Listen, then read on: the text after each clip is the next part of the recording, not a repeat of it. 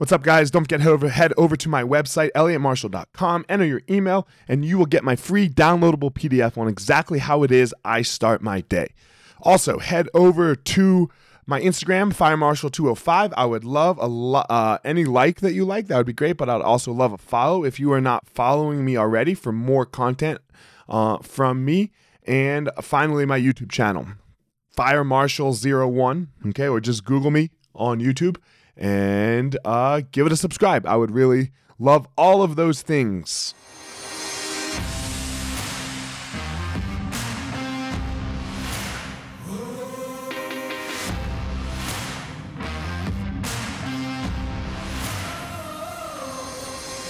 What's up, my ninjas? This is former UFC fighter Elliot Marshall, and this is the Gospel of Fire, where we are going to learn how to go into the fire so that we can find our power and live the best life possible.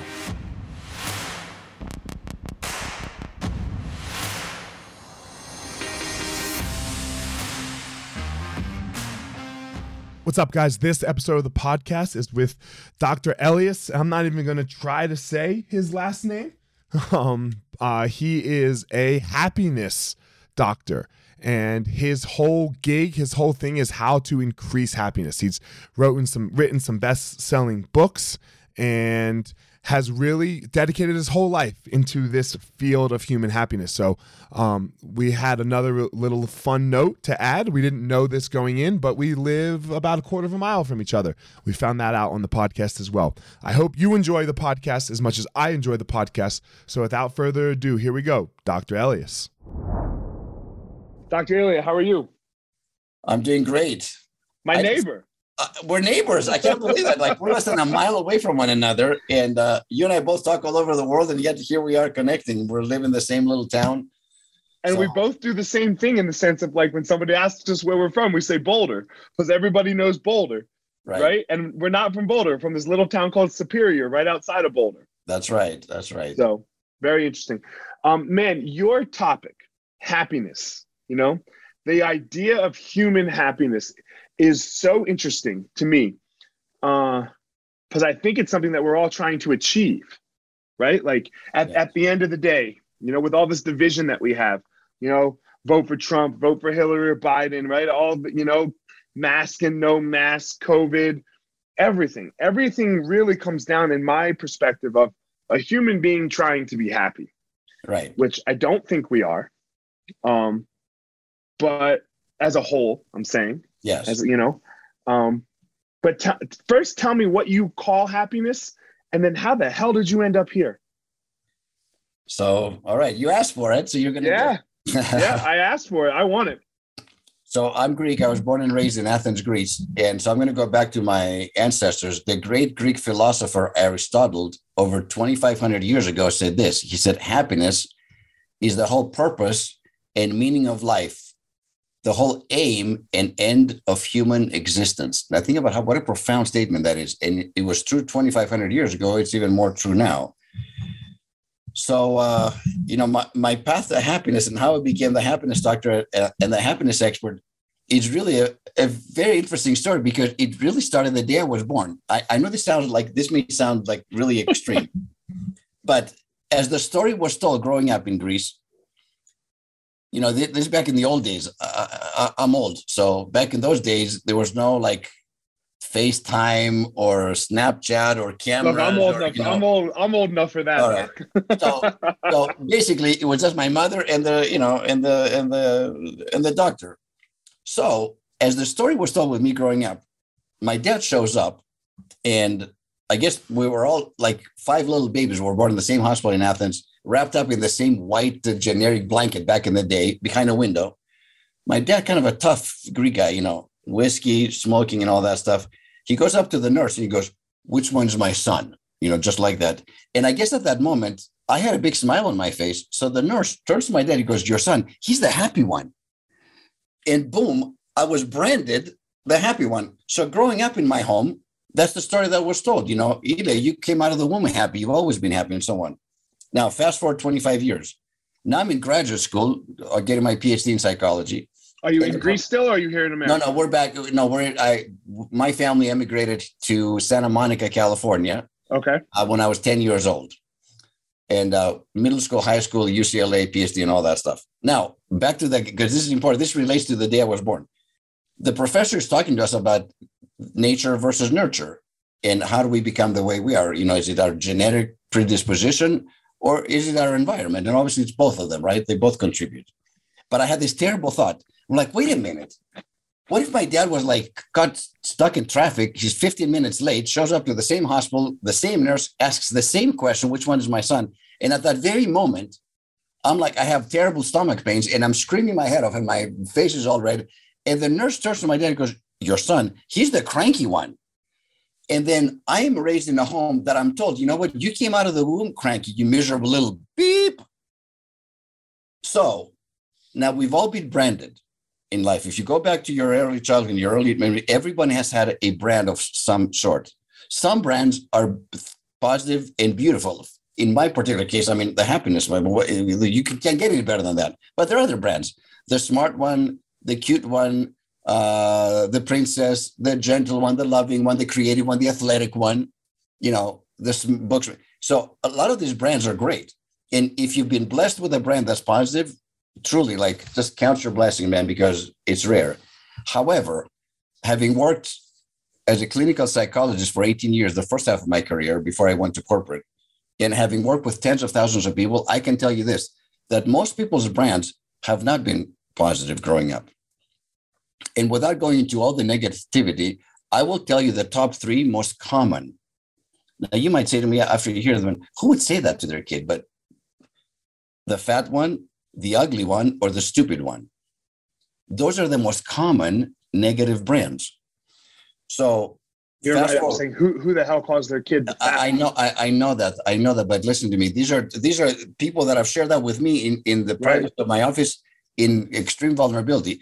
So now, about five years ago, I wrote this book, Seven Paths to Lasting Happiness, number one bestseller. Started to like travel the country and and share the message and I'm I'm doing a conference in North Carolina, a, a women's conference, 500 women and me, and I'm sharing this story. And in the end, my point is, if you don't like your brand, to empower people and to empower women in that particular, you have the right and the you have the choice now as an adult to reject your negative brand and create your own positive brand. So as I'm sharing this story, there's this old lady in her 70s, gray hair, who stands up and starts waving her arms and kind of like I can't ignore her because she's upstanding and waving her arms. Like, so I'm in my flow, like I'm doing my thing, right? But I, everybody's looking at her, looking at me like I. So I stop my talk. I'm like, uh, yes, ma'am. And she says to me in front of everybody else, she says, you know what? After listening to you, for 70 years, I've had that voice in my head. And I was called all three of them growing up fat, ugly, stupid, beep, with an expletive next to it. And she says to me, after listening to you, I want to change my brand. Now, as she shared this with the audience, it got so quiet, Elliot, you could hear a pin drop. Because, first of all, I don't know if I would have the courage to share that in front of 500 strangers. Personally, I don't know if I would be that courageous to be that vulnerable and transparent. So, hats off to that lady. So they're looking at me, I'm looking at them. So finally, I'm like, okay, ma'am, well, what would you like your brand to be? Like, you know, if you want to change your brand in front, and her name was Leah. Sorry, the first name. She go, well, from now on, I want to be known as Princess Leia, kind of like Star Wars. So I turned mm-hmm. I'm like, yes, Your Majesty. So I bowed down, Your Majesty. Yes, Your Majesty. And, you know, it became a very lighthearted moment. Everybody cracked up and everybody started to laugh. But the reason why I share this story is this. If a 70 plus year old woman is capable of changing her brand consciously and choosing a positive, different brand, then anybody else can do it because our personal brand directly impacts both our happiness and health, or on the flip side, our unhappiness and misery. How do you look? I, I agree 100%. If a 70 year old lady can change who she is at 70, like that's a lot of hard wiring and a lot of that's a lot of nature and nurture yes. interacting for a really, really long time there. Um, man, how do you do it? Like it's so hard for people, right? Like this, this, this well, path think, to happiness well, the path to happiness, first of all, happiness is a choice. Okay. But also, happiness is a skill set. In other words, there's some people that are easier. There, there's a certain predisposition. They have a happier persona, personality, energy. The nature whatever. part. That's the nature, the nature part. part. Right. And but but happiness is also a skill set, meaning that if you do certain things on a consistent basis, I personally guarantee you you'll find happiness. But you got to do them consistently. Okay, And, talk to me. Num- number one, first path, of course, self-love. The, the the big the biggest and and when I was a psychologist, I worked with a lot of addicts, just so, a lot of addicts. My dissertation was on Alcoholics Anonymous, you know, the twelve steps and all that stuff. hmm And regardless of whatever the addiction is, in the end, what does it come down to? Self-love. Because if you truly love yourself, you would never poison your system. Right? Uh, healthy and happy people just don't do self-destructive things to themselves. And self-destructive things start from self-defeating thoughts. That's where it starts. I'm no good, therefore, you know, they act out and they hurt themselves, and that begins the the, the, the cycle, of course. Of, What do you uh, do to have people help themselves get out of those thoughts, right? Because sometimes we don't even realize that we're having those thoughts. It's it's it, it's the undercurrent of our life, right? You know, I'm reading this book called Mindfulness to Insight. It's that like you don't even know you're having the thought, and then by the time that you realize you're having the thought, you are so far on the downhill of the roller coaster. Oh man, it make it makes it much harder. But you just actually mentioned path number two, which is really self-awareness, right? Mhm. I, come from a, a part of Greece that's very close to the Oracle of Delphi. Delphi was this, you know, back in the ancient days, kings and emperors and and uh, generals would go to the Oracle of Delphi, which is up in the mountain, to ask either permission, is it should, should I go to war or not? You know, and the Oracle was never wrong, but it would always always answer in a very cryptic way. They had that in 300, right? Like Exactly. They have that in the, No, no. Yeah, yeah. They went and talked to the Yeah. oracles. Yeah, well, my home is actually 20 minutes from there. Like I can actually see from my balcony, I can see the so and, and of course the oracle would answer in some cryptic way, like a great empire will fall. Well, what does that mean? The Greek, the Greek army will fall or the Persian Empire? You never, you don't know, but Right. but why do I share this?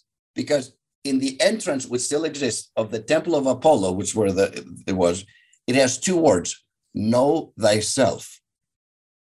Know thyself obviously means self-awareness, which is of course what emotional intelligence is based on, right? So Mhm. coming back to what you just said, Elliot, how do you you have to actually gain some self-awareness?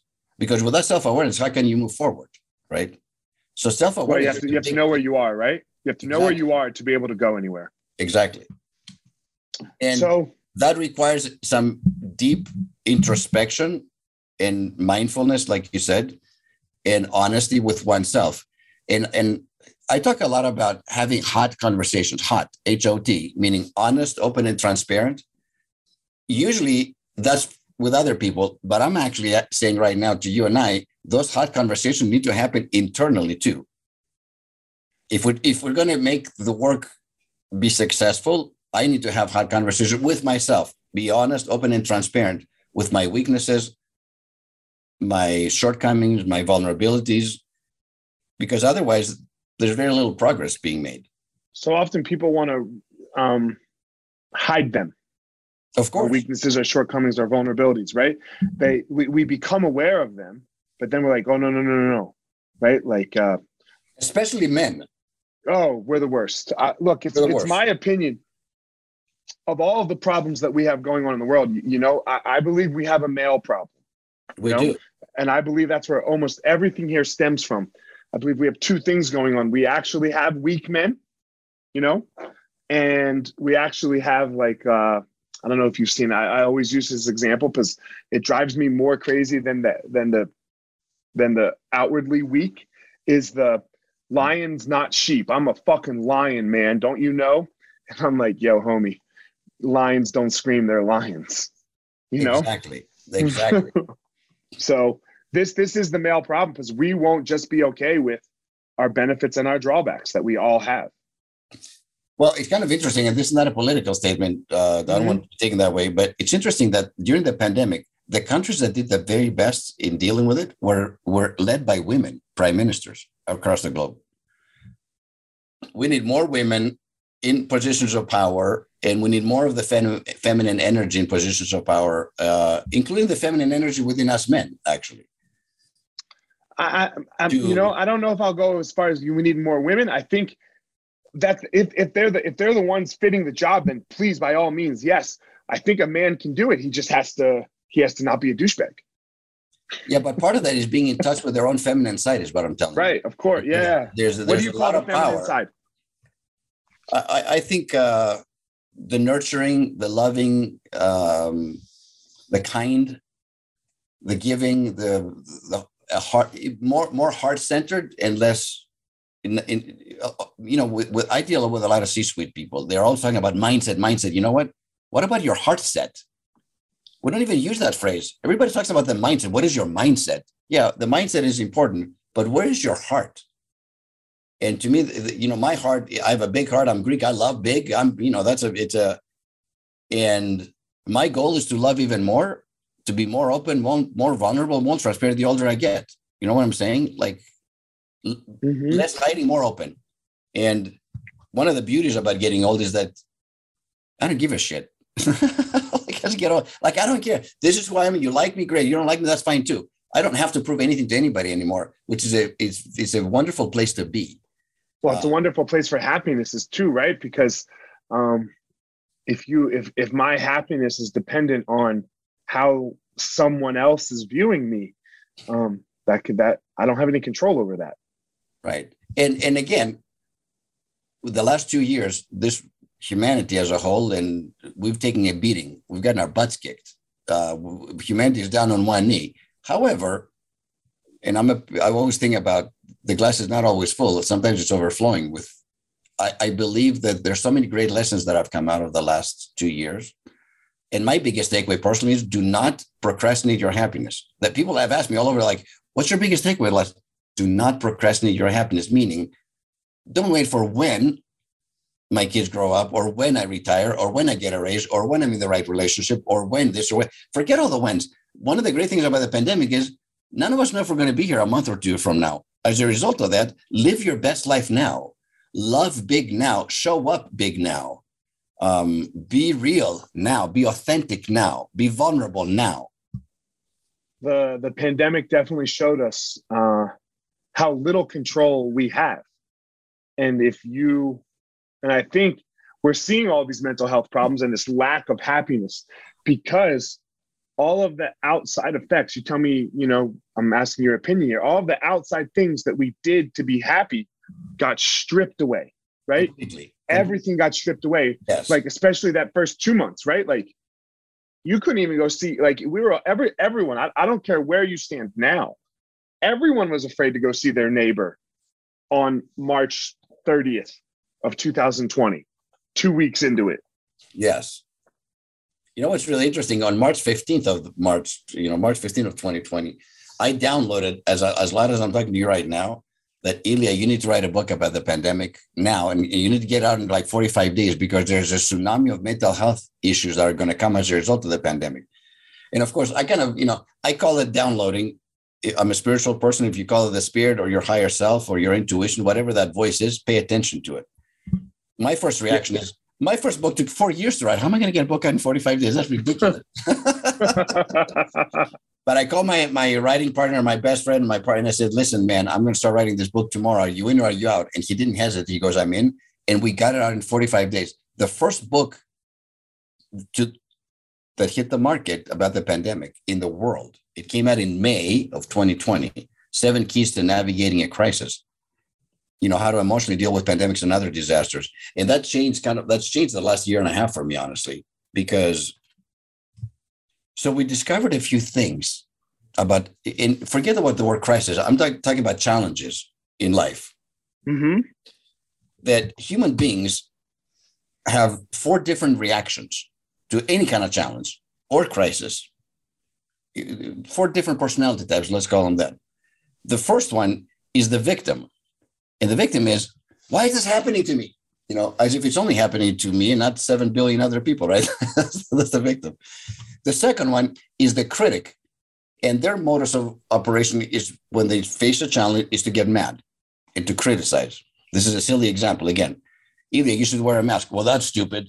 Okay, Elia, don't wear a mask. What are you trying to kill me? like it doesn't matter which way they go. They just get Right. mad, right? yeah for sure Right. The third personality type we like to call the bystander. Now, the bystander, mind you, is a decent person, a, a- good fellow or woman, but they're so overwhelmed by the changes and feeling so out of control by everything that's happening that they're uh, kind of like the deer with the headlights look, meaning that they're just frozen in fear. And what all three of these have in common is they don't move the needle forward in some positive outcome or solution. Either it's poor me, they get mad, or they're just frozen in fear, right? Now we get to the fourth personality type, which we like to call the navigator, which was, of course, the premise of the, you know, how to navigate challenges successfully. But before I share with you what does the navigator do successfully, I want to share this that all four of those personality types exist within each human being. This is my psychologist hat wearing now. It's not like, well, I'm the navigator and you're a victim. You're, it's not like that. We all have all four of those, or we capable at least of all four of those.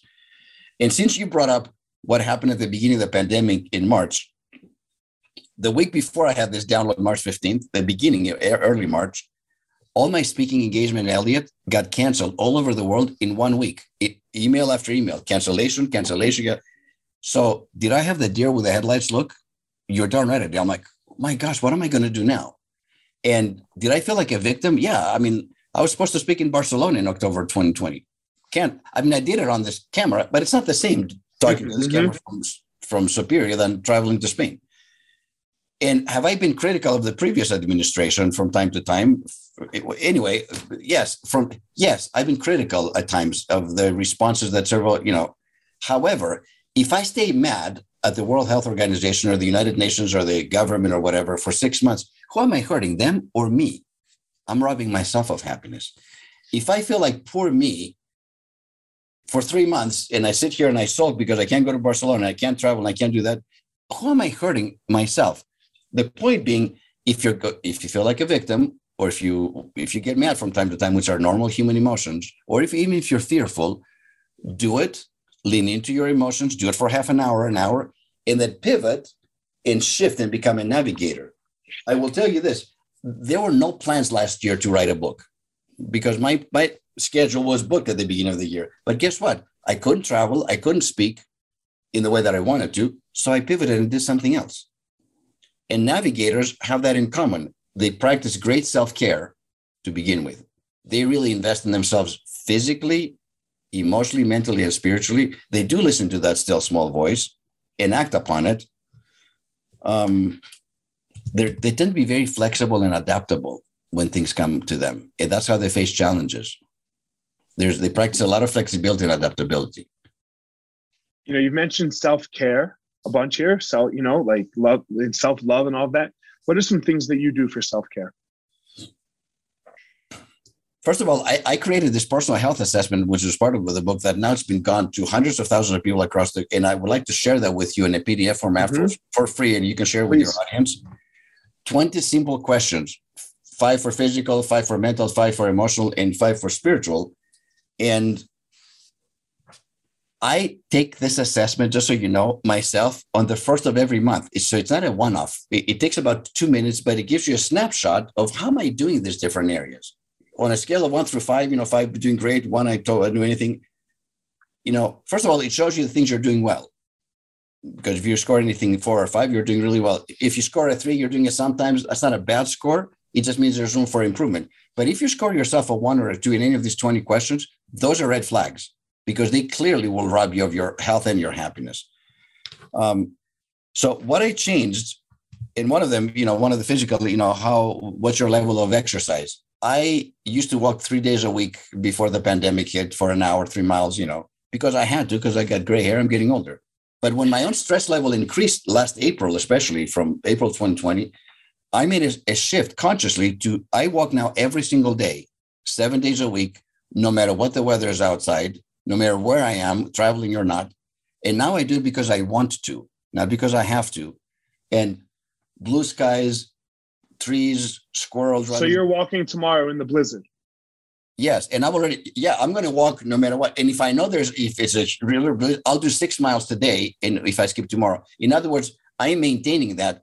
And 50% of the time, Elliot, I don't take my phone with me. I mean, the other 50%, I, you know, I do clients and so on. But sometimes I leave my phone behind and I walk and I'm in a state of gratitude but like it's it's an hour i'm not saying it's an hour of gratitude prayer necessarily but i'm grateful i'm mindful i connect with god i connect with my inner self and uh you know, obviously vitamin D, you know, you know, sunshine and all that stuff. Yes, I walk every single day, and that's a, a shift that I, even when the pandemic is over, I'm going to continue doing it because now it's become a habit. The other thing is that I'm eating more mindfully. You know, I, I I'm Greek. I, I love sweets, but I now I eat only when I'm hungry, not because I'm supposed to eat. And as a result of that, I've not that I've never had problems with weight, but I'm actually below my premarital weight, which was over 30 years ago. My wife and I've been married for 30 years. I weigh less now than I did back then, just to give you an idea. Just from these two simple things walk every day and eat, eating more mindfully. And that's part of my self care because if my stress level increases, my self care has to increase. Period. How do people uh, look? You, you you already know you wrote this book, How to Navigate a Crisis. Sometimes you're just in crisis. Yes. Right. And, and and you have you have to understand like there there's seasons of life, right? I'm sure there's been seasons of your life, Doc. Right? Like yes. where you're like, okay, things are really going well right now. My in all of my areas, my emotional, my physical, my familial, yes. right? Everything's really going well. And then there's other times when it's not. Yes. Right? It, it's not. You know, your your marriage isn't going well. Your your kids are Yes. Uh, I'm yes. sure all things that you've experienced, right? How do you stay quote unquote happy? So there's two things. So the, the second path after to, uh, to to happiness, of course, is gratitude. And we all hear the phrase "have an attitude of gratitude," which is great. It rhymes and it's cute. It's easy to be grateful when everything is going well in your life, just like you just mentioned. So simple, right? Oh man, that, that part is easy. Everyone. Yeah, that part yeah. is easy. However, we all know that life isn't like that. And what I share with you is I feel like we're all graduates from the University of Adversity. Every single one of us, we're graduates from the University of Adversity. And the older we get, the higher the degree. Because by the time you get to my age, at some point, you know, you're going to, no matter who you are, you're going to lose loved ones, starting with maybe with your grandparents. And at some point, you're going to lose your parents. And so at some point, you may even lose your significant other, or God forbid, your child. And at some point, you're going to have financial difficulties, unemployment, underemployment, bankruptcy, whatever, foreclosure. I mean, you're going to have, you're going to go through a divorce or a breakup of a relationship. You may have to deal with a with a parent that has Alzheimer's or dementia, or or a child that's sick. So we're all as as Buddhism as you know, it's the number one noble truth of Buddhism: life is suffering. Exactly. So now the question becomes: How can you be grateful in the midst of adversity? And I will refer back to the greatest, one of the greatest men who ever lived, Nelson Mandela, who said, in life, either you win or you learn. Because that takes the suffering, if there's a, a lesson attached to it. I have learned the most profound things in my life when things sucked. When because when things are going well, we're in our comfort zone. We love it. It's good. That's why it's called the comfort zone. We, you know, but real growth, as you know very well, you're in the octagon, you know this. real growth happens outside of our comfort zone. I saw your video, man. It was very powerful. Real growth happens outside of our comfort zone. Yeah. And so, but if if I can find the lesson in my adversity, it makes things better. If I can't, I'm going to continue to suffer and beat myself up and, and say why or be the victim or get mad or why is this happening to me? Well, navigators are able to find the lesson in whatever the adversity is. Maybe not right away. I mean, sometimes it takes a while. You have to dig. Like, why is this happening to me? Especially if it's if the crisis is prolonged. Sure, man. Um, you know, um, it's a little cold in my in my room right now, but you know, you've mentioned the Greek thing a couple of times. I have in Greek on my arm the Marcus Aurelius quote: "The impediment of action advances action; what stands in the way becomes the way." Um, and that's just what it is for me. That that that is how I deal with adversity. You know, is I, I just realized that. Um, I have a funny story. Once I was I was in Boston and I was, I don't know, I think I was waiting to get into Fenway Park or something. And I had my forearm up on, uh, you know, a ledge. And I, and I see this guy reading my forearm. And look, I did my best on the internet, right? To, to get the words right, like Google yeah, yeah, Translate or whatever. And I'm like, oh shit, this guy's about to tell me if, if, if I have some craziness written on my arm or if it says what I want. And he, you know, it says what I want. So that was good. But um, yeah that, that's a tough thing to realize though right like what you're talking about is because we want suffering to end of course you know we want suffering to end um, but almost the, the wanting of it to end makes it worse it delays it delays the happiness. I, I, think one of the biggest issues, especially the last two years, is that I think there were some false promises. And again, scientists didn't know everything at the beginning that this too is going to end. Okay, summer's coming. Okay, mm. fall's got then another winter, another year. Not, so people are just exhausted. They're tired. Most human beings can handle one or two crises happening at the same time. We, we've done it our entire lives. It's very hard for them to handle like four or five or six crises happening. So you have the pandemic, you have the mental health crisis where depression, anxiety, and stress is at an all-time high, billions of people that did not have a pre-existing condition. You have the financial insecurity, even if you're employed or underemployed, you just feel like just find I don't know how I'm going to support myself or my loved ones. Then you have the social, political, and racial, and everything else that's going to, or threats of war now. I mean, we have a lot of other things. So those are four major crises happening globally simultaneously and that doesn't include people's personal crisis, like we talked about before, like going through a separation or a divorce or a sick child or a parent or whatever. I'm not even counting those. So it's very hard if you don't know when the end is. is. Like we keep just like, when is this going to end? Like when are the masks going to be over? Like I'm so sick and tired of like traveling like this. I'm people are sick and tired. They're sick. They're tired. They're exhausted. So so how do you maintain a perspective, right? How do you deal with that? Yeah. How, how do you deal with look, there's no one in the world right now that's not exhausted. Yes. I'm exhausted, right? I, am exhausted. But you know, lucky but lucky for me, we got to take uh, you know, Denver ended its mask mandate. So we got to take the mask mandate off the door today. At, at one of my schools. Good for us, right? How we're yeah. Well, that's you know, down in that's down in Denver. It's still not in Boulder, not where we live. Yeah, Boulder. Like, I don't know when it's going to. Yeah, right. It's never it's never going to end in Boulder. You know, but any but anyway how do we deal with it? This is such a pain in a man like the the emotional victim side of me like you talked about right? Or the critic.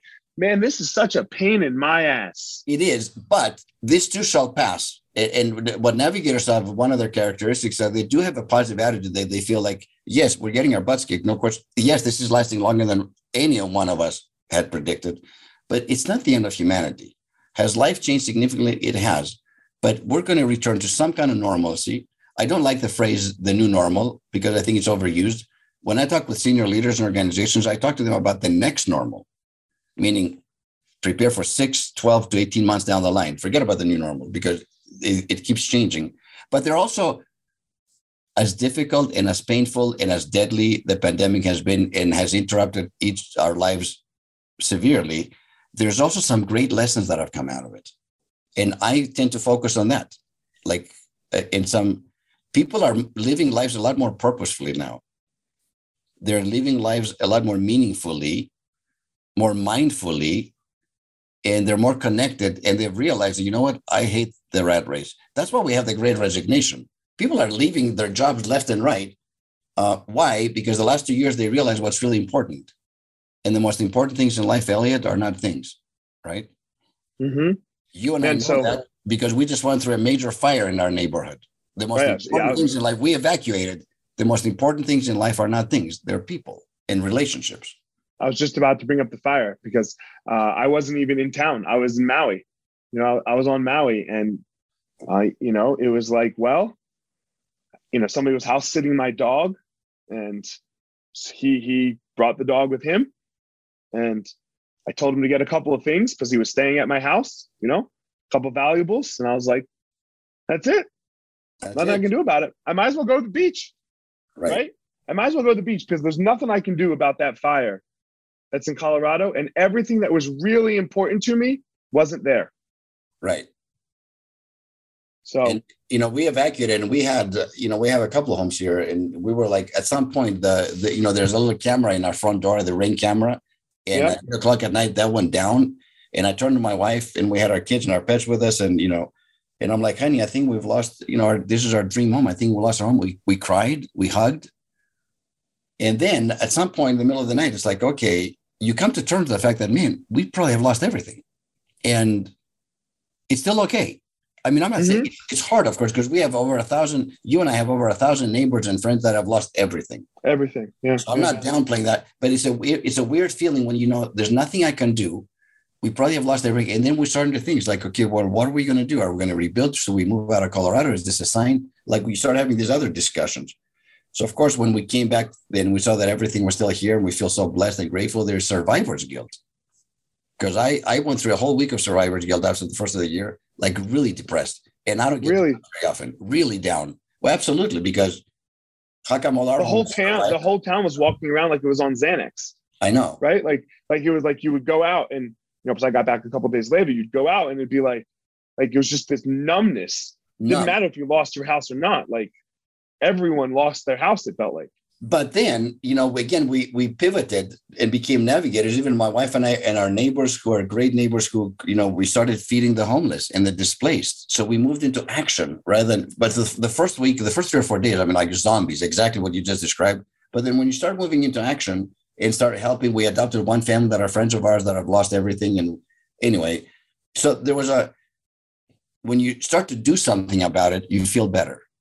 Right, for sure. You you get to work. You know, um, I'm a person who experiences anxiety. You know, it's it's one of the it's one of it's one of my uh, traits that that can pop up, and very very uh, acute and intense anxiety. And my son, who's my mini me, my oldest is my mini. He's he's me on steroids. Like everything that's great about me, he's better. You know, and everything that could be more skillful, well, he's got that one too. So anxiety is one of his things, and that's one of our tricks together. Is I'm like, okay, you're ha- good.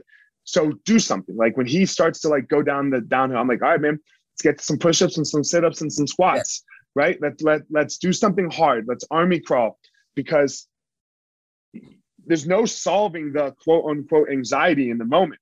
You you have to occupy it. In from I my mean, it's just perspective energy that needs to move through your system. that needs to move yes yeah that, that's what i tell them so and that's how we work you know like and But but on a So- on a more cognitive level or an emotional level, of course, I mean, what is you know what's underneath any anxiety? Or, you know, what is that? It's there's a certain fear. It's a fear it's fear-based emotion. So then we got to get it. Okay, well, what are we really afraid of? Right. And then, and then deal with that. But the the physical aspect of it, I think, is great that you're teaching your son to do that because well we do that after we do the oh, I we see. do the we do the what is after but in the moment like talking through it in the moment does nothing right, Right. like when, when you're tripping uh why are you so scared yeah that ain't helping me right so um but yeah No, you know what's kind of funny? I had a I had a client that actually called me not last night, the night before, and she had full blown uh, anxiety attack. Like she had gone to the hospital the day before, thinking she had a heart attack. whatever. It, it turns out to be just anxiety to the max, panic attack. Actually, actually pretty severe for her. yeah And she was starting to, and I could just hear her, even her breathing on the phone. And and I've known this girl for like, I mean, she could be my daughter. I've known her for a long time. I'm like, you know, honey, th- th- this feeling is going to pass, right? And she goes, you're in the moment. She had, she thought this is going to be all forever. Like, it. but somehow it just go, I said, no, keep breathing, keep breathing. Just focus on your breathing and stuff like that. But she goes, you know, you're totally right. This does pass. I just forget about it when I'm in, like just like you said, when I'm in it, I forget it. yeah so um man as we as we wrap it up here there's a, there's a couple things that i really find uh, interesting with people. Um the first man look uh, you speak all over the world you wrote best-selling books. Uh, i mean now you would do it because you're my neighbor you know? Uh and we're probably going to have a coffee together at some Oh, point. sure. Um but like why take the time? Like not, you're going to get nothing out of this. Like you That's won't make any more money. That- that's not true. Yeah. I I I, want to hear your your reasoning, right? Like you're not going to make more money necessarily. No one's going to become a follower. Um, this isn't like Tim Ferriss's podcast where you know there's millions and millions of listeners. So why take your hour of your day to do it with something that quote unquote, and I know it's not, seems very meaningless. It- it's never meaningless when we're talking about happiness, first of all, and love.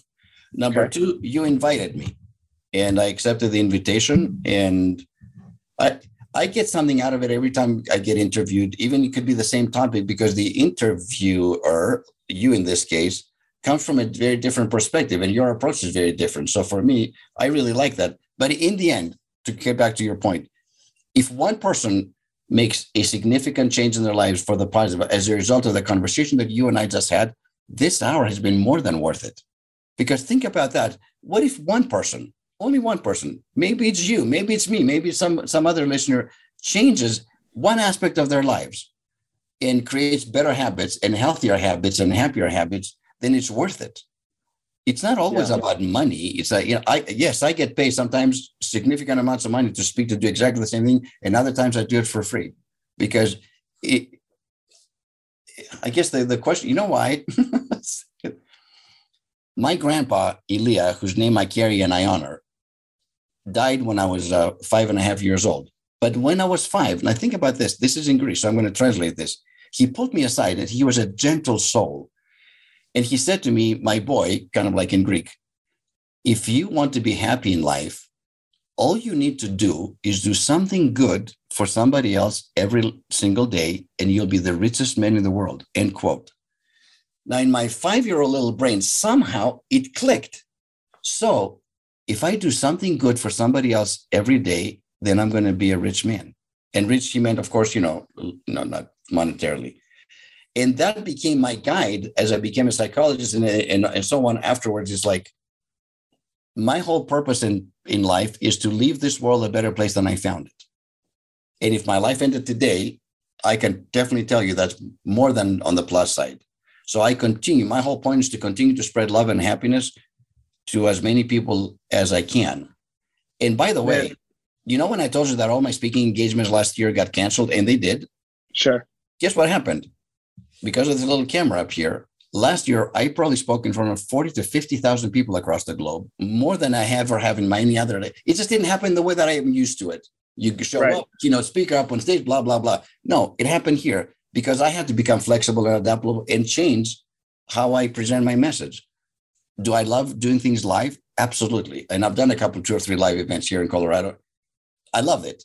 But in the meantime, I'm going to continue sharing the message of love and happiness, no matter where I go, no matter who invites me. Period. I and really that's like what rewarding in and of itself. That's rewarding Yeah. in and of itself. I don't need anything more than that. I really like what your grandfather said, right? Like, you know, do one thing every day. Because that one thing doesn't matter what your profession is. You could be a plumber, right? You could be, you could be, you could pick up the trash. But man, you're like, do it, do it like it matters.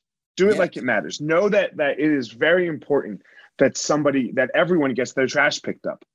And Go and the from last path to happiness and to navigating Christ successfully is kindness. You know, we start with self care, which is kind of like, you know, take care of ourselves. But in the end, it's how are you showing up in terms of other people and how are you being of service and kind to other people around you? Because if if anybody can hear the sound of my voice or your voice right now, I guarantee you they're better off than somebody else. All they got to do is look around. And Elliot, do you know that I've gotten pushback on that when I in the message is go out and be kind and be of service in the middle of the pandemic. I've had people say to me on camera, like live, you know what? I'm unemployed. I'm in my little apartment. I can't go anywhere. What am I, my brother's keeper? This this actual quote. And I didn't that. I'm like, no, you're not your brother's keeper. You're your mother's keeper and your sister's keeper and the neighbor's keeper and the homeless person down the street. Because if you if you're listening to me, I guarantee you're better off than somebody else. And kindness is free. Kindness doesn't cost anything other than the willingness to show up for somebody else when they need you. man, you're you're so right on here. I can, you know, when I when I think back to my most recent very difficult struggle was 2016 with my anxiety. And what got me out was other people. What Right. got me out was just like Elliot, show up for somebody else. Right? Like st- like oh okay, this is a struggle for you right now. A B C D E F G reasons why show up for show up for your students. For me it was my martial arts students and my kids, right? Show up for them make it happen, and then cry your cry all the way through the night. Who fucking cares? Right. You know? So um yeah.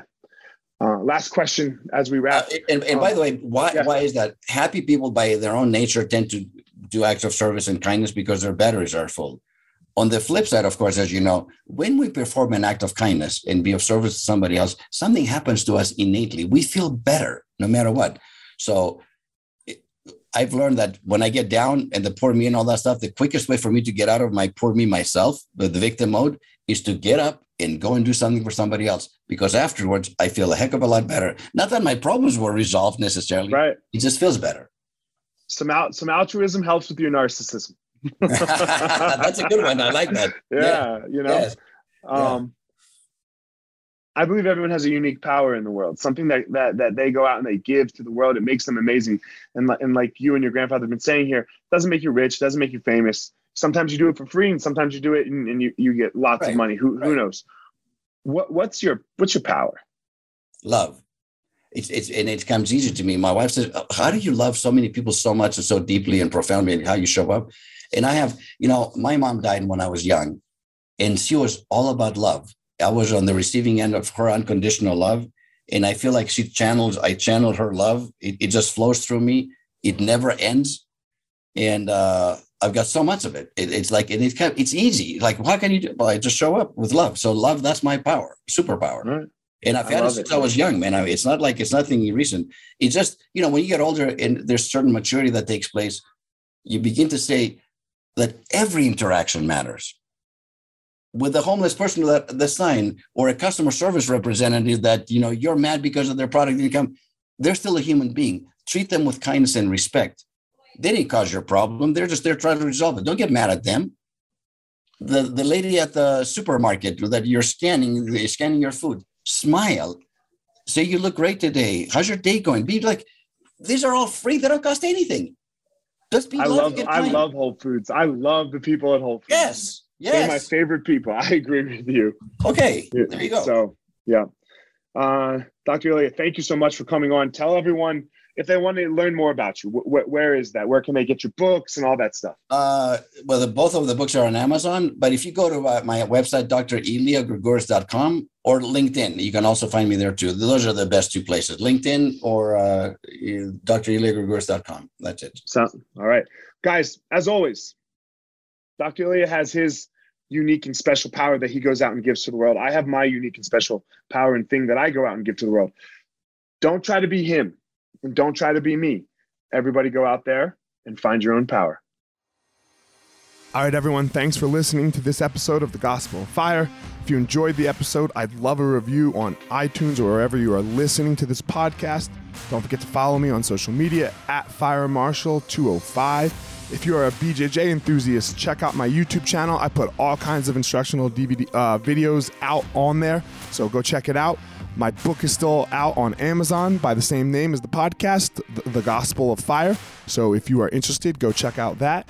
And most importantly, guys, go out there every day, find your power. Thanks a lot.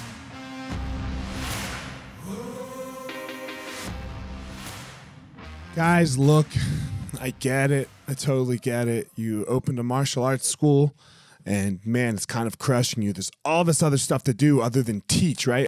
You love teaching. You love jujitsu. You love Muay Thai. You love karate. Whatever it is you're you're teaching. And man, but there's all this other stuff. There's there's the front desk. There's there's taxes. There's curriculum. There's cleaning. There's there's problems, staffing, covering. Whew, man, it's so much. It's so much. Well, let me tell you, uh, we have started what's called Easton Online, and Easton Online is here to solve all of these problems for you. Easton Online is a digital academy for martial arts school owners and managers. Will help you establish or enhance your business with best practices. Most importantly, we're going to help you get back to what it is that you love most teaching and doing martial arts. Okay, so for more information, guys, go to easton.online. Again, that's easton.online. Add your email. You're going to get notified about the course launches. Our first course is going to be all about the first impression specialists, your front desk, and all kinds of stuff, special offers, promotions, as well as we started a podcast by the same name, Easton Online, that's gonna talk about our process of how how we went from a tiny little martial arts school to what is now seven martial arts schools, seven Brazilian Jiu Jitsu Muay Thai schools, um, in a very holistic way that we believe um, kept the integrity of the art and also deals with its people very well. So again, easton.online, enter your email and you're to get all you're to get everything you need right there. So, thanks guys.